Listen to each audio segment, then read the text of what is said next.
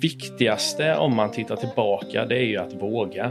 Eh, jag har ju alltid tänkt egentligen då att det här kan jag göra, det här kan jag inte. Eh, nu med åldern lite så har ju det där släppt för att man märker liksom att det man inte kan, det lär man sig. Eh, så jag tror det viktiga här det är att Hej och varmt välkommen tillbaka till CNU Podcast. Varmt välkommen Johan Asperhoff. Tack så mycket Alexander. Mår vi bra idag? Jajamän. Härligt. Uh, ja, jag tänker vi hoppar på det direkt. Hur, hur börjar allting? Var, var kommer vi ifrån? Vad växte vi upp med? Ja, var kommer jag ifrån? Jag kommer från en eh, liten by utanför Jönköping som heter eh, Tenhult. Eh, jag växte upp eh, bredvid Kabefabriken, eh, vilket eh, speglade mina ja, första år i livet. Jag var med i eh, familjeföretaget. Vi hyrde ut husvagnar till eh, olika privatpersoner som eh, skulle ut på somrarna och testa på husvagnslivet. Många ville ju hyra innan de köpte husvagn från Kabe så att vi hade en liten familjefirma där vi hyrde ut husvagnar. Och där någonstans började ju intresset för entreprenörskap. Jag såg ju min far som hade startat den här lilla firman och jag hjälpte honom på somrarna hade aldrig något sommarlov när jag eh, var liten utan eh, nej, men eh, sommarna gick åt att jobba i firman. Och där hittade jag också mina egna ingångar då till entreprenörskapet. Jag tvättade bilar eh, på de som väntade på att eh, få hjälp i husvagnsfirman. Jag eh, eh hyrde ut tv-apparater Eh, då var det sådana här eh, tjock-tv 14-tums-apparater som jag köpte in från expert i Husqvarna och så hyrde jag ut dem då som skulle ha eh, husvagnar i, i någon vecka eller två. Så där började det. Mitt första riktiga jobb var på eh, Länsförsäkringar i Jönköping. Började där när jag var 16 år gammal i vaktmästeriet. Och eh, hade lite olika jobb där. Jag jobbade på Länsförsäkringar totalt i nio års tid. Började också som utesäljare då, var hemma vid köksbordet, sålde försäkringar, eh, bil, barn, eh, eh hemförsäkringar. Och eh, mot slutet där på min eh, tid på Länsförsäkringar så var jag i kundtjänst. Där jag även jobbade då samtidigt som jag eh, pluggade på Handelshögskolan i Jönköping. Handelshögskolan, där, där läste jag ju eh, civilekonomsprogrammet med entreprenörskapsinriktning då, givetvis, i och med att det låg varmt om hjärtat. Läste på 150 procent, jobbade lite extra samtidigt. Eh, jag ville få saker och ting gjorda, var eh, riktigt nyfiken på att få komma ut i arbetslivet. Då har man gått i skolan så pass länge så då känner man liksom att nu, nu vill jag eh, ut och göra någonting på riktigt. Jag har alltid varit intresserad av ekonomi. Så efter eh, Handelshögskolan där så eh, började jag med redovisning och revision på ett bolag som heter Grant Thornton. Jobbade där som eh, revisor i tre års tid. Drev lite bolag vid sidan om faktiskt där också. Vi startade bolag under högskoletiden, jag och en kompis. Vi hade Solarium, tre stycken ställen i Jönköping. Eh, och vi startade även en klädesfirma på internet. Detta var ju 2004 så då var det, ju, det var inte, fanns inte så många klädesbolag eh, på internet då. Då var folk, ja, men kan du verkligen sälja kläder på internet? Man måste ju känna och klämma på kläderna. Du kan ju inte, vem beställer på internet? Man har butiker som man kan gå in i. Tidigt på det där och kanske lite för tidigt. Eh, vi la ner det några år senare.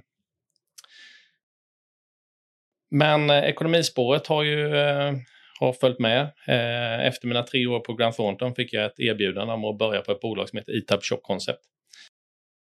Det var en ganska stor omställning i livet. Jag eh, fick erbjudandet att bli eh, business controller, vilket innebar då egentligen att jag skulle ut i världen på tror det var 27 olika länder, resa runt, hjälpa bolagen i koncernen på alla möjliga olika sätt jag var väldigt nervös inför det, eh, kommer jag ihåg. Eh, dels för att jag hade satt upp i huvudet, alltså att vad, vad kan man göra? Vad, vad, kan jag? Vad kan jag inte? Eh, och jag kände väl då liksom att ut i världen, det skulle vara på engelska. Eh, jag vet, jag hade samma eh, samma tveksamhet när jag började på Handelshögskolan, för den utbildningen var ju också på engelska. Jag vet ju själv att jag var lite så här halvmedioker på, på engelska då. Eh, hade väl eh, ja, godkänt plus eller någonting sådant då i, i eh, gymnasiet. Men eh, grejen är, och, och, erfarenhet från det då, är att det, det, löser sig. Två veckor efter att du, du läser på engelska så börjar du tänka på engelska också. Eh, så, så, det är bara go with the flow. Eh, eh, ta det som det är och, och, du kommer att lära dig. ITAB var en jättespännande tid där. Eh, jag jobbade i ITAB i nio år också faktiskt. Eh, eh tre år tror jag det var som eh, business controller, reste runt i världen. Ganska slitsamt eh, arbete var det. Det var mycket tidsomställning, eh, mycket flygresor. Jag tror jag hade mer än 100 flygresor om året och 150 nätter utomlands per år. Sen kom man ju till den åldern när man eh, skaffade barn då eh, blir det lite annorlunda. Det är svårt att hämta på, på förskolan och dagis och, och eh, eh passa barn när man är ute och, och eh, åker jorden runt hela tiden. Eh, men eh, eh, sa faktiskt upp mig då, men fick ett annat erbjudande var att bli Head of Group Treasury. Då. så jag jobbade som finanschef för ITA-koncernen i sex år till. Då men alltid känt liksom att jag har ett riktigt jobb, men jag älskar ju det här med entreprenörskap. Det har alltid varit ett driv. Jag har alltid egentligen velat bli egen och, och, och eh, driva mitt eget bolag. Alltid haft någonting vid sidan av. Eh, mest för skojs skull, för det, entreprenörskapet för mig det är ju en hobby egentligen. Då. Eh, det, det, är ju det jag tycker mest om. Eh, och det hör man ju också väldigt tydligt på din uppväxt och din skolgång och allting. Du har velat få allt det som är det som är, det som är ett måste i dåtidens samhälle för att kunna gå entreprenörshållet med skola. Eh, du måste få lite kött på benen som du fick på ITA och Länsförsäkringar. Men du har ju entreprenörskap som du säger från, från grunden, från barndomen. Och det, det täcker nästan alla extra som jag, för det låter inte som att det riktigt var det, det var livet. Ja, ja, men så är det. Det är ju livet och, och det, det, är ju en, eh, entreprenörskapet är en hobby, men det är också någonting som ger mig väldigt mycket energi. Entreprenörskapet är kul. Eh, jag gör inte det för att man måste eller, eller att det liksom, eh, man måste ha extra pengar vid sidan av. Eller, eller jag gör det bara för att det är kul och för att det ger mig väldigt mycket energi. För när man känner att man gör saker som får påverkan på andra människor så tycker jag att det är jätteroligt. Under tiden som jag jobbade på ITAB så hade jag också ett eh, markutvecklingsbolag. Eh, det var väl lite så jag kom in i mot fastigheter från eh, första början då, att vi utvecklade mark i Jönköping. Både för bostäder och, men framför allt då för industri och verksamhetsmark. Vi tyckte att här i Jönköping så ja, det finns ett stort behov av mer mark. Så vi drog igång ett bolag, hittade mark, köpte in och utvecklade mot verksamhetsmark. Då. Så det var ju de första stegen egentligen mot, eh, eh mot fastigheter och jag tyckte att det här var ju fantastiskt kul. Så eh, när jag lämnade ITAB då så startade jag ju ett eget bolag som heter Aspo Fastigheter AB. Eh, och där är jag ju nu då. Eh, förhoppningsvis mitt sista jobb. Ska man, aldrig, man ska aldrig säga aldrig, men, men eh, jag trivs så fruktansvärt bra med detta så att eh, det, nu känner jag att jag, jag har verkligen hittat rätt. Det här är precis just det jag vill göra. Eh, och Aspo Fastigheter då, det är ett eh, bolag som eh, äger, förvaltar och projektutvecklar fastigheter inom industri, lager, logistik. Så vi bygger i Jönköping med omnejd kan man säga. Idag är vi verksamma i Jönköping, Vaggeryd, Habo, Mullsjö, Nässjö och Linköpings kommuner där vi har olika byggprojekt. Underbart. Om vi, om vi går tillbaka lite ITAB, Länsförsäkringar från grund och barndom. Vad är dina största framgångar och motgångar du har trillat över fram tills där du sitter idag? Och hur har det gynnat dig? Ja, men framgångar och motgångar, jag, det har man ju alltid. Eh, jag tror det viktigaste om man tittar tillbaka, det är ju att våga. Jag har ju alltid tänkt egentligen då att det här kan jag göra, det här kan jag inte nu med åldern lite så har ju det där släppt för att man märker liksom att det man inte kan, det lär man sig. Eh, så jag tror det viktiga här det är att våga och våga ta stegen.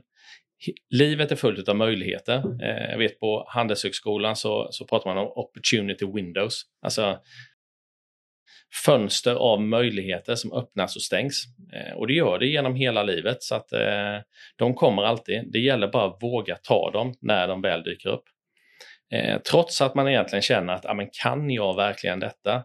så tycker jag liksom att man, man ska ta chansen, man ska hoppa på. Eh, för livet är en resa och du lär dig med, längs med den resan. Jag har något exempel, eh, precis när jag började på ITA, bland det första jag gjorde, eh, var att jag satte mig på ett plan till Kina, det var faktiskt min första dag.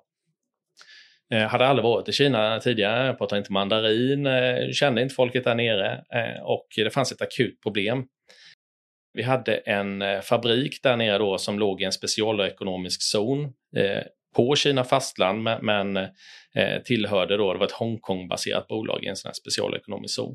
Den skulle upphöra, den eh, zonen, och eh, jag skulle ner dit och eh, transformera detta till att bli ett kinesiskt registrerat bolag. Aldrig gjort det förut. Hade ingen aning om hur det funkade i Kina eller vilka regler som gällde eller någonting. Eh, sätter mig på ett plan, flyger ner och vi hade ganska bråttom att göra det, det var väldigt knappt om tid. Så, och där vet jag att jag tänkte, liksom, det, det, var väldigt många sömnlösa nätter på hotellet. Man tänkte nu har jag tagit med vatten över huvudet, vad gör jag här? vet att jag tänkte liksom att när kommer de komma på att jag egentligen inte kan någonting? Körde det där, eh, var några vänner hemma i Sverige, eh, pratade väldigt mycket med, med, folk där nere lokalt eh, om eh, hur man går tillväga, vilka bekymmer som fanns, vad man behövde göra, pratade med lokala myndigheter, olika konsulter. Jag hade ett stort projektteam som, som man drev där nere. Eh, när man kom hem till Sverige då och la upp liksom så att ja, men de här utmaningarna, de här bekymren står vi inför och, och vi gör så här. Då märkte man liksom att det var ingen annan som kunde någonting heller. Helt plötsligt var du ju expert när du kom hem. För den kunskapen du då hade samlat på dig under tiden du var nere i Kina var det ju ingen hemma som hade från första början. Det var ju då det började gå upp för en att man lär sig med tiden, man kan inte allting från första början. Och det där gick ju vägen till slut. Eh, det funkade ju och det, det satte sig. Men jag tror den stora lärdomen är ju att lägg inte begränsningar på dig själv. Tänk inte att jag kan inte, för du lär dig under tiden. Det tror jag är jätteviktigt. Absolut, och det låter verkligen som att obekväma situationer, så länge det inte är vatten över huvudet, det kan inte göra annat än att lyfta dig framåt och pusha dig framåt. För det hör ju exakt ihop med det du pratar om, öppna fönster. Man måste ta möjligheten och man ser sig själv fysiskt möjligt klara den. Absolut. Ja, och jag tror man klarar lite mer än vad man, än vad man tror. Jag tror att man presterar lite bättre om du är precis något utanför bekvämlighetszonen. Håller du bara inom bekvämlighetszonen, ja, men då kommer du inte utveckla dig själv eh, på, på, samma sätt. Sen ska man inte gå för långt utanför för då, då blir det ju en helt annan stresspåslag. Men, men, att vara lite utanför bekvämlighetszonen, det tror jag är väldigt, väldigt bra. Mm. Om vi går till lite rutiner, vilket jag då älskar. Mm. Det är bland det finaste vi har i, i hela världen. Om vi bara fokuserar på karriärs och livsrutiner. Mm. Hur, hur ser din morgon ut? Hur ser din dag ut på jobbet? Hur ser din kväll ut? Ja, den har ju sett eh, väldigt olika ut genom olika perioder i livet kan man säga. Eh, livet är, består av olika faser. Eh, förr så, så eh, när jag jobbade på eh, ITAB då och flög runt i världen, ja, men då var det inte så mycket rutiner. Den ena dagen var ju inte den andra lik, för det var olika tidszoner. Mycket att man satt på ett plan, eh, flög fram och tillbaka. Nu ser det ju väldigt annorlunda ut. Jag är småbarnsförälder, vilket gör att du ska lämna på skolan en viss tid. Du ska, eh, vi varvar med och hämta olika dagar och sådär. Vilket gör att ja, men då får du ju lite rutiner. Dock eh, så försöker jag liksom att utnyttja den tiden som finns då för att eh, eh, när man är småbarnsförälder då har ju prioriteringen skiftat lite från att man prioriterar sig, sig själv när man är ledig till att man prioriterar barnen och, och eh, eh, försöker hitta på roliga saker med dem. Eh, det gör ju att man prioriterar om sin tid på dagen. Om vi pratar om man ska träna så, så är det, jag spelar lite squash eh, med en kompis. Då försöker vi göra det på lunchtid numera. Förr var det alltid på helgerna, då körde man på helgerna. Eh, det gör man inte längre. Nu tar man eh, squash lunch istället då för, för att försöka få eh, tiden att gå ihop. Så att, eh, men, men annars så när, i eh, jobbet som man har nu så är ju inte den ena dagen den andra lik heller. Det är mycket teamsmöten, det är kundbesök, vi besöker olika byggen. Och det, det tror jag också är bra att inte dagarna ser olika ut, för det gör ju att det blir mycket roligare att arbeta. Ja, att de inte ser lika ut. Ja, ja, precis. jag gillar när, när det är eh, kreativt och när, när eh, dagen inte är förutbestämd utan att det händer saker under tiden. Absolut, absolut. Och vi går in lite på motivation. Vad, vad, vad får dig att gå upp morgonen och tänka nu ska jag överprestera gårdagen? Ja, eh, nej men eh, motivationen det har ju med det entreprenöriella och viljan att göra affärer. Jag tycker det är himla kul att interagera med framförallt andra entreprenörer, för det är ofta de jag träffar när det är nybyggnationer av fastigheter. Ja, men det är en driven entreprenör som har växt ur sina lokaler, eh, som känner att eh, nej men vi måste ha nya lokaler, det måste vara större, det måste se ut på det här sättet. Eh, eh och man får möjligheten att hjälpa dem i i sin affär, i sitt affärsutvecklande eh, och kunna bistå då med att eh, bygga deras nya lokal, hyra ut det till dem. De fokuserar på att lägga pengarna på nya roliga maskiner, på sin tillverkning och så vidare istället. Så den kombinationen där, att hjälpa andra entreprenörer samtidigt som du driver din egen låda, den, eh, den driver mig. Och man ser det i glöden på dina ögon. Du, du går hit och du älskar vad du gör och jag märkte det första dagen jag kom hit och skakade hand med dig. Det, det, man ser det i få, men man ser det i vissa och det är så vackert att se. Eh, om vi går till inspiration, vad hämtar du inspiration ifrån? Vilka har du som idoler i dagsläget och vilka idoler känner du har kommit in i bilden från när du var yngre? men, eh, idoler, ja man har ju många förebilder. Jag gillar ju verkliga människor som man eh, träffar eh, dagligdags. Eh, och eh, ja, men, eh, Förebilder ska det vara, idoler, ja det, det beror ju på. Alla människor har ju positiva och negativa sidor. Eh, men jag brukar säga liksom, om man ska utvecklas, se till att inte vara den smartaste personen i rummet. Om du känner att du är det, då måste du byta rum. Det finns ju hur mycket kompetenta människor inom olika kategorier som helst. Jag älskar att hitta eh, inspiration och få motivation av andra entreprenörer, lära sig av dem, deras affärer, deras business. Eh, men, men det kan också vara att någon annan har en kompetens som inte du har. Det gör ju att det blir väldigt intressant att vara i det rummet och lyssna och, och ta in erfarenheter från annat. Så att egentligen, eh, jag skulle inte vilja pinpointa vissa personer utan, utan eh, många människor som har kompetens som inte du har är ju väldigt intressant. Hur försöker du inspirera dina anställda på ditt jobb? Ja, hur försöker jag göra det? Nej, men eh, det är väl, eh, man får väl försöka dela med sig av eh, glöden lite, brinna för det man gör. Jag tror det är superviktigt att man känner att man gör något kul varje dag man går till jobbet. Om man inte känner det, om man, om man känner söndagsångest eller att man inte liksom, nej, jag vill inte det här, då är det nog läge att byta. Livet är alldeles för kort för att inte göra något roligt när man är på jobbet. Jobbet är en sån stor del utav livet så att jag tror det är viktigt att söka sig fram. Det finns ju hur många branscher som helst, hur många olika jobb som helst. Våga testa. Och sen, eh, sen, sen så tror jag att man måste också få människor runt om en att våga utvecklas. Om vi eh, tar det här med, med personer då som man fått eh, inspiration ifrån så vet jag att jag hade en chef en gång. Han var, han var väldigt, väldigt bra på att leda människor och bygga en organisation. Det jag lärde mig av honom det var ju att försök, när, när du är chef eller en ledare, ta inte över andras bekymmer. Var inte den där som alla kommer och lägger problemen hos och att du tror att du ska lösa alla andras problem när man, när man kom till honom och hade ett problem, ja, men, eh, det första han sa ju då var ju liksom att, eh, nej men hur har du tänkt att lösa det då? Man fick ju tillbaka den bollen direkt så fort man slog den över nät. Man visste att jag kan inte gå in i det här rummet och tro att jag kan lägga över mitt problem på, på honom. Men eh, det var ganska jobbigt till en början för då tyckte man liksom att ja men, eh, men bryr han sig inte här eller vi har ju ett problem. Vi måste ju lösa det här. Men det lärde jag mig sen med, med, efter ett tag att det gör ju att folk börjar tänka själva. Du får en organisation som driver problemlösande själv. Att man tänker igenom först att okej, okay, här har vi ett bekymmer.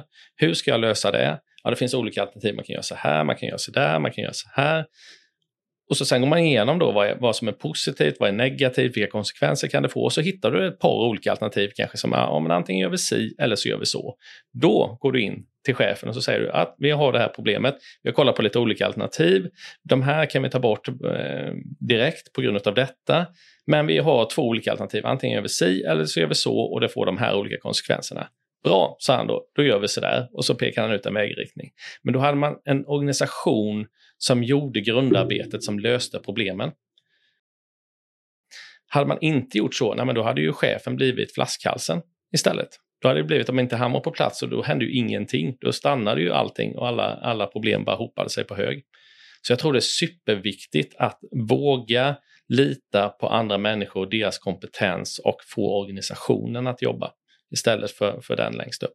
Och det är precis som du säger, för oss unga som har börjat jobba lite inom restaurangbranschen, lite inom klädesbranschen, vi åker ju på de väldigt nyupptagna cheferna på olika positioner som är där för att lära sig och sen kunna klättra vidare i karriärstegen. Och det märks väldigt väl på just den skillnaden du påpekar, att överlagt arbete eller att ja, man skyller på den anställda för att den inte har uppnått det man själv vill att den ska uppnå utan guidning. Mm. Och det är en väldigt, väldigt stor skillnad och den är märkbar och det, det, det är så otroligt roligt att ha en chef som du beskriver. För att det, det, det gör hela yrkesplatsen.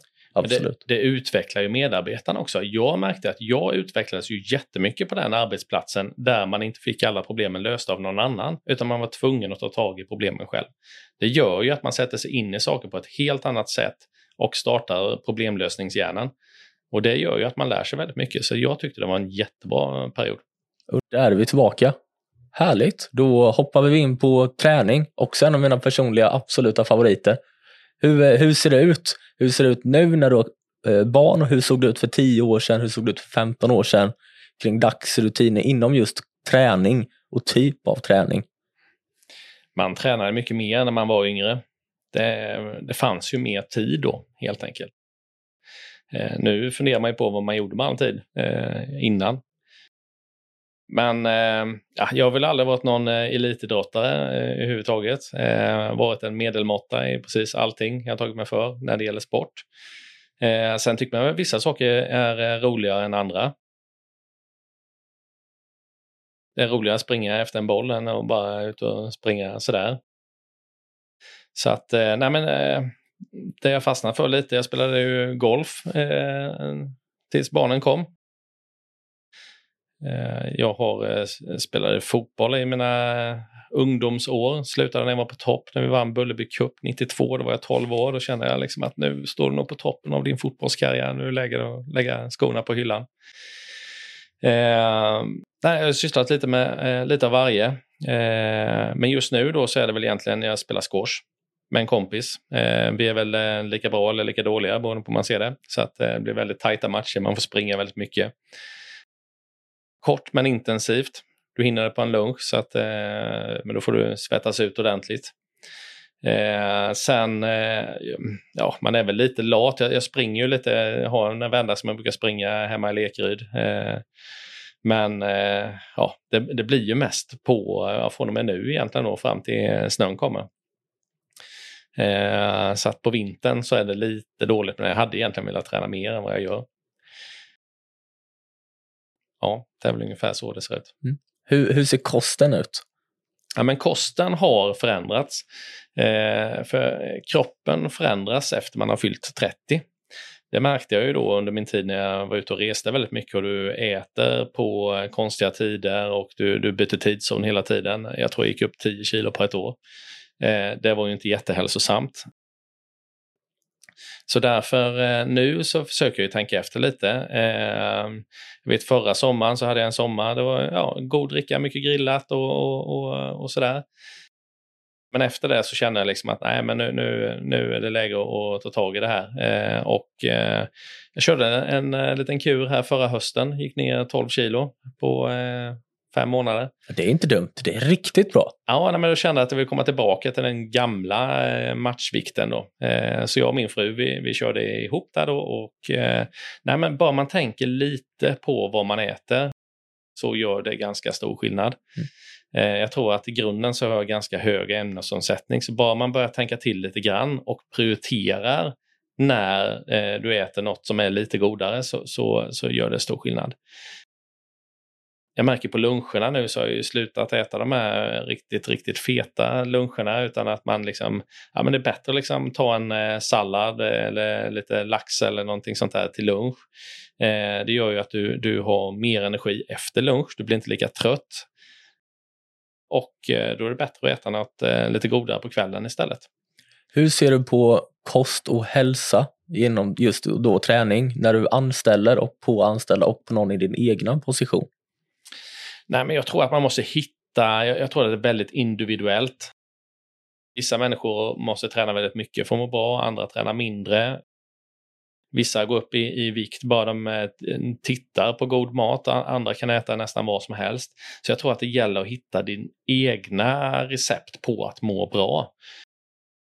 Och i mitt fall så är det lite träning men eh, tänka på liksom eh, vad man stoppar i sig framförallt på veckodagarna och så får man samla ihop en liten pott till, till helgen. Då, till lördagskvällen när man kan käka något gott istället. Då. Absolut. Eh, nätverk, hur, hur ser vi kring nätverk? Är det, är det någonting du verkligen känner att du vill pusha på den yngre, nya generationen när de är just vid 20-snäppet? Ja, men nätverk är, är ju spännande för när du är på olika ställen, olika skeden i livet så får du olika nätverk. Eh, har du gått på gymnasiet så har du dina klasskompisar som du lärt känna eh, och folk runt omkring. Eh, går du på högskolan så får du ett helt annat eh, umgänge där. Olika arbetsplatser som man har varit på så lär man känna människor. Jag tror att det är väldigt bra att byta miljö för 10-15 år senare när du behöver en kontakt inom ett visst företag, inom en viss eh, bransch eller någonting sånt. Ja, men helt plötsligt så känner du ju folk eh, som börjar dyka upp som du har eh, idrottat med, som du gått i skolan med, som eh, du har jobbat med på ett tidigare jobb eller och så vidare. Då. Så nätverk, ja men eh, det är ju A och O. Det behöver inte vara uppstyrda nätverk utan det kan ju vara liksom att du skapar ju nätverk runt omkring där du är eh, och det är, eh, det är jättebra. Eh, personliga kontakter är ju, är ju allt egentligen. Då. Mm. Eh, framtida yrkesområden för den nya generationen entreprenörer, vad, vad tror du på då som vd? Men det är ju det här som är så spännande, för det, det, är ju nästan en fråga till dig istället för, för mig. För att jag menar den yngre generationen, så det händer ju så mycket rent tekniskt.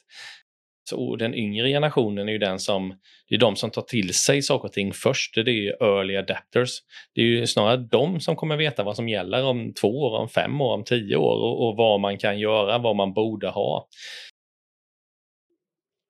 Jag, jag tror ju liksom att eh, eh alla sortens problem som vi kommer ha i framtiden kommer ju ha eh, en affärsmodell som, som kommer vara eh, lönsamt i framtiden.